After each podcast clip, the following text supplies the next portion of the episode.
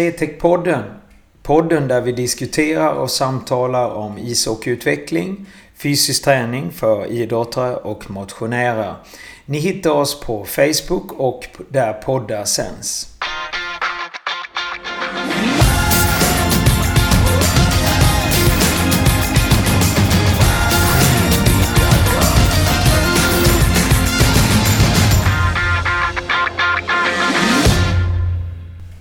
Välkomna till Swetec-podden. Mitt namn var Dag Wenström. Och det var nästan två veckor sedan vi hörde sist på podden. Och eh, det beror på att jag har varit i Norge och jobbat med hockeyutveckling på hockeykamper. Vi har varit på tre ställen. Vi har varit i Kristiansand och i Oslo och i Kungsvinge. Och träffat fantastiskt eh, härliga ungdomar, killar och tjejer som vi har försökt att behjälpa och ge nya tips och förutsättningar för eh, framtidens prestationer inom ishockey. Denna veckans tema är fysisk träning. Och när man tänker på fysisk träning så finns det ju hur mycket som helst som man kan diskutera och prata om. Det jag tänkte ta upp den här veckan, det kanske är lite mer hur jag och vi ser på det när man tränar fysisk träning inom idrott och motionärsträning. Jag har också gjort en intervju med Ida Rosendahl som går på Kristianstad högskola och läser till hälsopedagog. Och då är ju tanken just det här med utbildning. För att utbildning är också en viktig del eh, för de som utför den fysiska träningen. För att man ska ha kanske då en bättre förståelse och en bättre förutsättning för att kunna nå de resultaten som man vill med den fysiska träningen.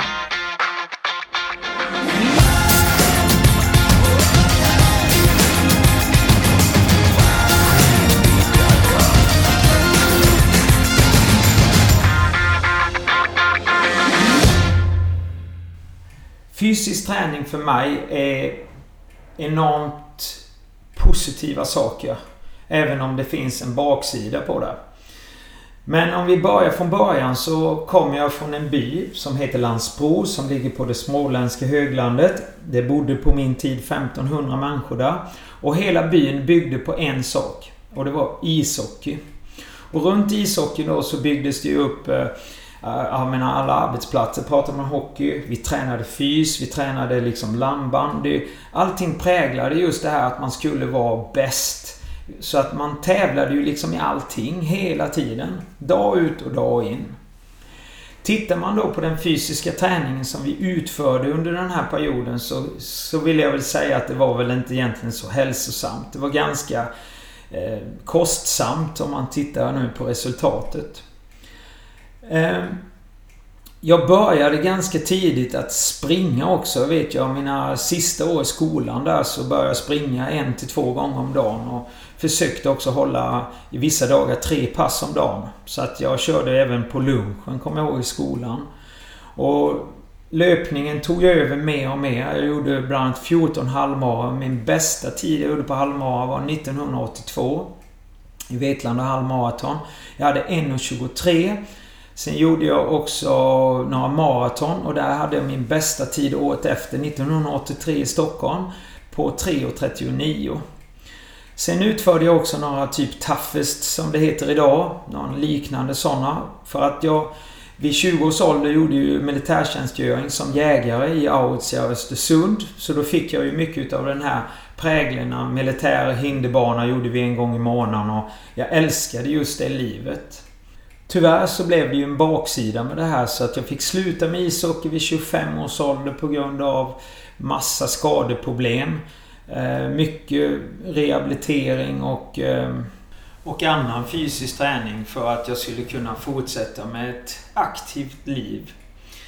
Och idag är det lite svårare då att köra den här fysiska träningen i och med att jag får sådana smärtor och problem. Men jag älskar fortfarande, och jag fick ett stort intresse utav det, att jag ville lära andra människor att inte träna så illa som vi gjorde på våran tid. Därför tränar jag och coachar människor idag.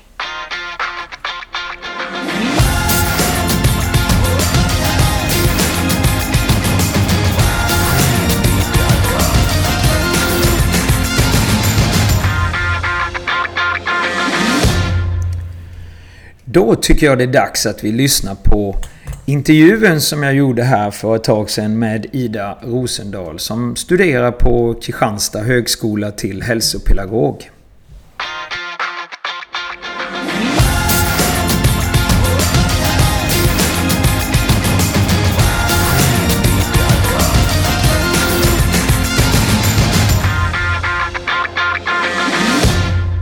Ja, då har jag en gäst med mig också. Som eh, jag tänkte intervjua lite grann. Och hon eh, jobbar här på Svetek ibland också. Och heter då Ida.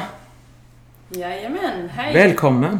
Hej, hej! Tack så mycket Dagge. Hur mår du? Jag mår bra. Hur mår Ja. du själv? Jo, tack. Lite nervös. Hej, hej. Hej! Vad, eh, vad läser du till? Jag pluggar på Högskolan Kristianstad till folkhälsopedagog. Vad, ble, vad blir man då? Ja, det är folkhälsopedagog. Ja, men vad innebär det? Det är en, ja, det är en jättebred eh, utbildning. Man kan inte riktigt förklara den eh, med bara ett ord. Utan det, man kan jobba lite som allt möjligt, som hälsocoach. Okej. Eh, Man får en väldigt bred pedagogik Ja. i utbildningen. Är det inom både fysträning och, och kost och alltså är det, är det Ja. hela, hela spektrat eller? Ja, det kan man säga. Vi eh, har ju mycket valbara kurser som gör att man kan välja, man kan nischa sig lite. Jaha, du kan välja inriktningar liksom? Så ni, ja precis. Ja.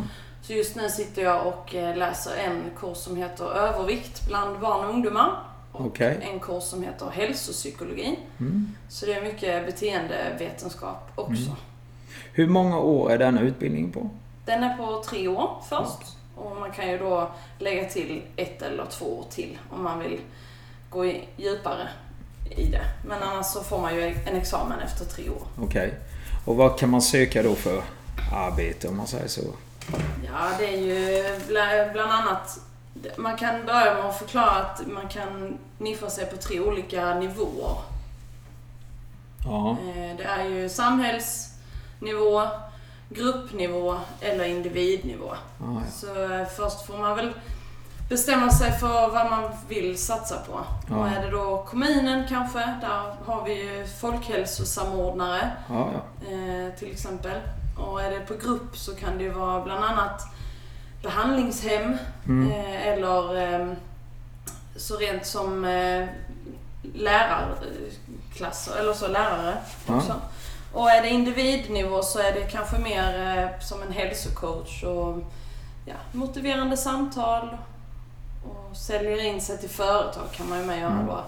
Som företags... Men då har du ju en, eh, en härlig framtid framför dig då. Jag hoppas det. Ja, när du väl blir klar. Mm. Du, dagens tema på eh, Swetec-podden det är fysisk träning. Mhm. Och eh, du jobbar ju här och kör fysträning för i, på, på våra grupper och lite sådana här saker. Och eh, gått lite andra utbildningar också. Vad tycker du är det viktigaste med fysträningen? Så spontant. Eh, spontant så känner jag att eh, fysträning eh, gör mig stark i vardagen, Mm, känner jag. mm, Eh, att man tränar, jag tränar egentligen just, om man inte har något mål så kanske man har ett annat långsiktigt mål. Att man ska hela tiden försöka göra sin kropp en tjänst. mm, Att eh, vara stark eh, i vardagen. mm. För det som uppkommer hela tiden Ja. när man har sina vanliga sysslor om man säger så. Mm. För du sitter ju en hel del också i och för sig. Nu när du studerar. Ja, den Ja. är lite svår. Så då, då gäller det att motionera på kvällarna om Ja, man säger så. Ja. Men eh, om, om man tänker på... Vi, vi har ju också många som, som kommer hit och tränar våra grupppass och sådär. Vad, nu kör inte du kanske alla klasserna men de där du kör ibland så är det lite mer power i det om man säger så.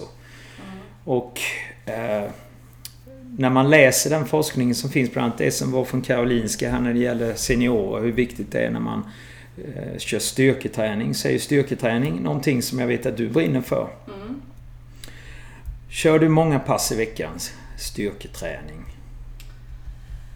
Eh, Ja, det beror ju på lite vilken eh, period man är i, Ja, okej. eh, tänker jag.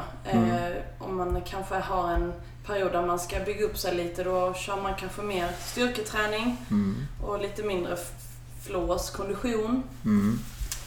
Men man, jag kanske drar en tre gånger i veckan på styrketräning Ja. just nu. Och sen tar jag då lite pass här på Swetec för att inte tappa flåset. Nej. Nej, det är viktigt att ha många ingredienser. Ja.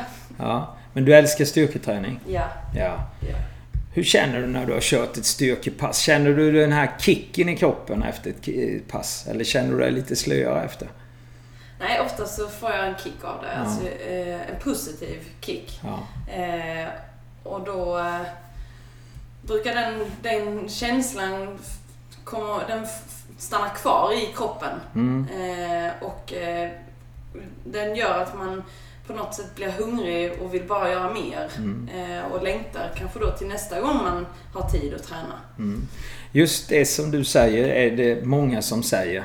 Mm. Jag lyssnade på en annan podd med systrarna Kalle och det är samma känsla de säger som du sa. Och då har vi ändå inte pratat om det innan. Nej. Jag känner igen den här känslan även om jag inte kör så mycket power som du gör. Men när man väl eh, som typ kör lite med skivstängerna ibland så får man den här adrenalinkicken liksom. Och den kan sitta i. Sen sitter den säkert betydligt längre på dig som är mer vältränad. Men, men det är just det där med att man får den här kicken liksom. Mm.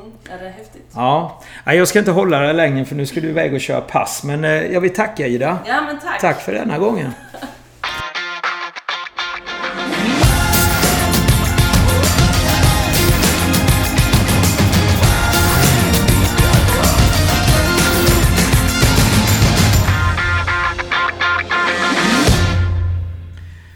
Jag tänkte säga att jag skulle dela upp och nudda vid fyra eh, olika ämnen.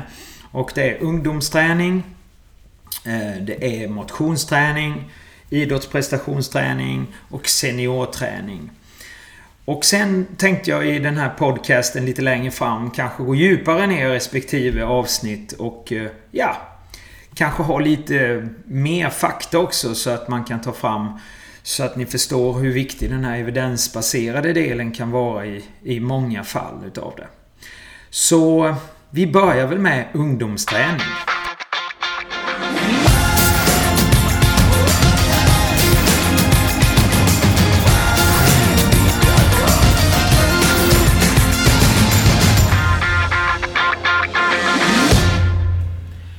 Ungdomsträning idag ser jag som ett problem. Och det bygger jag på lite olika delar. Det första är samhällsförändringen. Att samhället har förändrats idag. Vi ska göra allting så snabbt. Föräldrarna har mindre tid. Eh, man hinner inte alltid skjutsa barnen till aktiviteterna. Eh, barnen sitter ju betydligt mycket mer idag. De eh, sitter i skolan. Man sitter när man äter. Man sitter när man tränar. Eh, man sitter när man ska sitta framför datorn. Man sitter med mobilen och så vidare. Och där har ju hälsoinstituten tagit fram att vi sitter ju i snitt 16 timmar per dag. Och det här är ju inte så bra för att kroppen är ju skapt för att skapa rörelse hela tiden. Och helst ska ju kroppen göra det i tre dimensioner, alltså tre plan.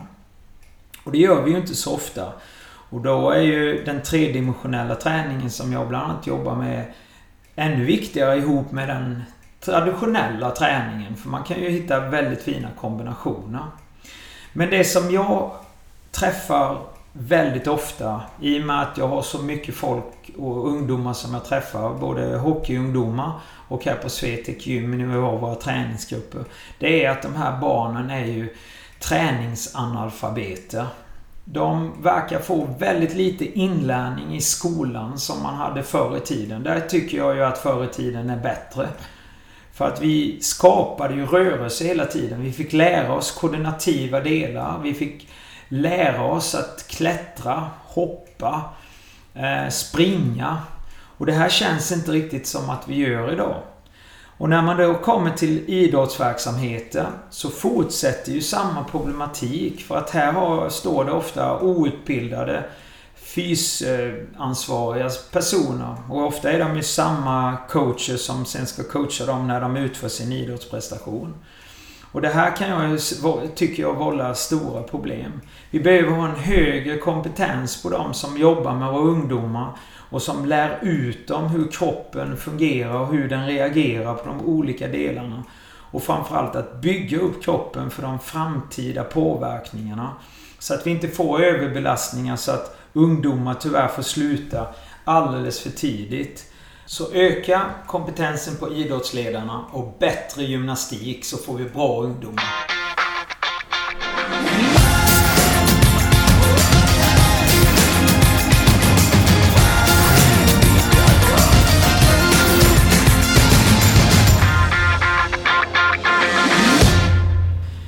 Idrottsfys är ju enormt viktig.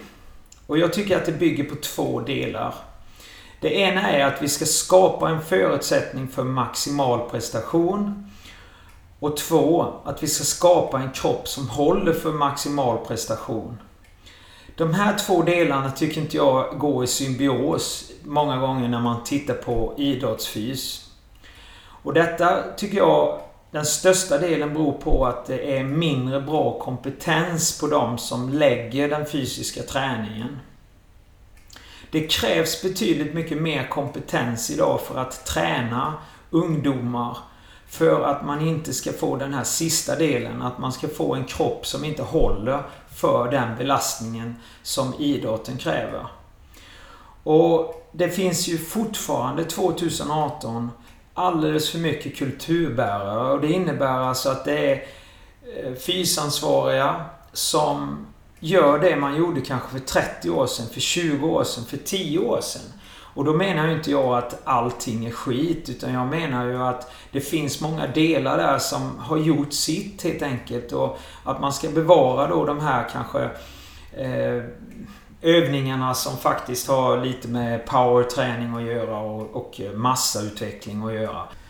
Så då är det ju viktigt att våra idrottsansvariga, alltså fysansvariga helt enkelt, att de uppdaterar sig och ligger lite mer i nutid och följer lite den mer eh, evidensbaserade forskningen som finns idag.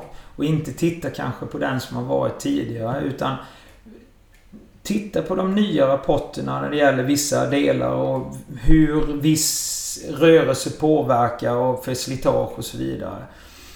Och att man då kanske också identifierar idrotten betydligt bättre också. Att man... Eh, är det en tredimensionell idrott som man jobbar med så ska det ju också många av rörelserna utföras i tredimensionell rörelse.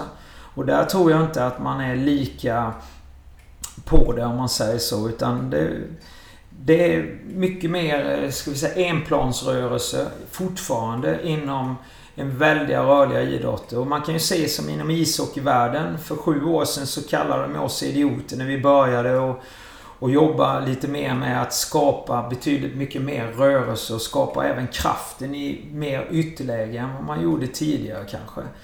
Och idag är det ju mer kutym att man jobbar i tredimensionella rörelser än att man jobbar i endimensionella rörelser. Så vi måste följa med tiden, öka kompetensen på fystränarna och framförallt ta in bättre och professionella fystränare. För att jag kan tycka att det är bra att gå de här helgkurserna via idrottsförbunden alltså som är en till två dagar. Men jag är ingen fystränare på det och jag kan inte bygga min egen erfarenhet heller på det. Utan jag måste ha en betydligt bredare grund för att man ska kunna nå en maximal prestation och ha så skadefri karriär som möjligt.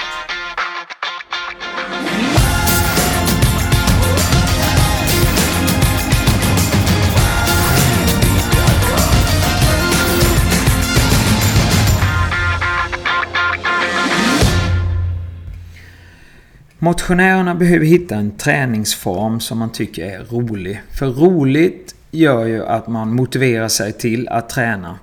Och ser man också då en framgång i träningen så blir det ännu roligare och stimulerande att gå till träning.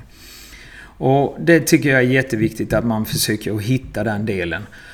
Och det som jag förordar det är ofta en träning som har med vardagslivet att göra. Att man hittar den här back to basic träningen där vi använder hela kroppen i träningen hela tiden. Och kombinerar det med lite olika delar som till exempel styrketräning och konditionsdel. Ehm, och där är ju gruppträningen helt fantastisk för att kunna jobba tillsammans i en grupp, motivera och pusha varandra gör ju att man man verkligen tycker att det är roligt att träna som jag sa tidigare. För det är nästan A och O om vi ska hålla ordning på all tid som vi har, att vi har roligt när vi tränar hela tiden.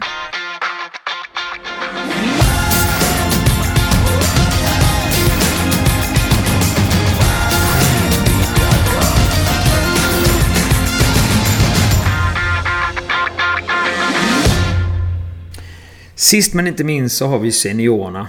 Och där är ju forskningen jättetydlig.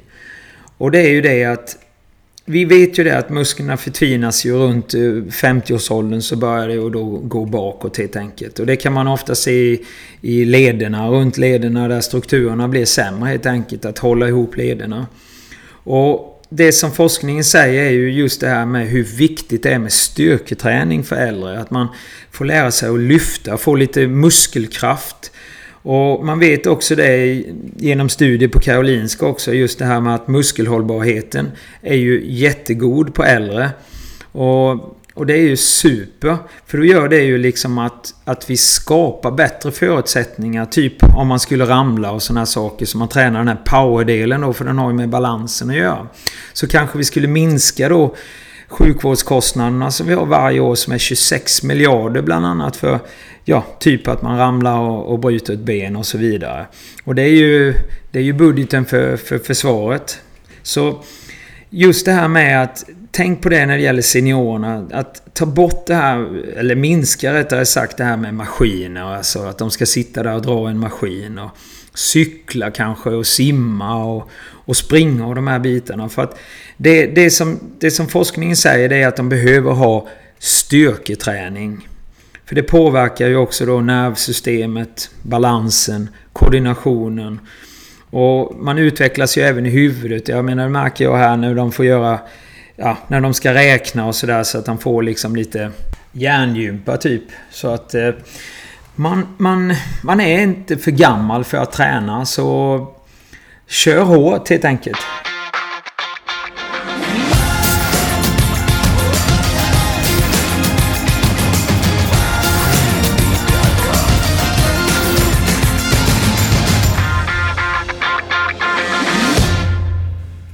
Det var väl lite vad jag tänkte idag vi skulle nudda vid när det gäller fysisk träning. Det går ju att göra väldigt djupa analyser på varje avsnitt. Man kan gå in eh, och diskutera och prata om allt möjligt när det gäller fysisk träning. Det finns hur mycket som helst och det finns andra poddar också som tar upp de här ämnena som är helt suveräna.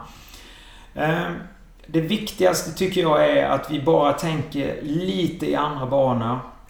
Och att vi ser att det finns andra förutsättningar som kan skapa bättre förutsättningar för de vi har framför oss. Men grunden i allting är att vi måste öka kompetensen på de som utför den fysiska träningen. Och jag är 54 år och jag är inte fullärd och jag läser och studerar fortfarande. För det är så häftigt att se att det finns så mycket som händer varje dag, varje vecka. Så man får inte sätta sig ner och tycka att man kan någonting. Utan man måste hela tiden vara som en fågelunge. Man vill bara ha mer. Vi hörs. Hej!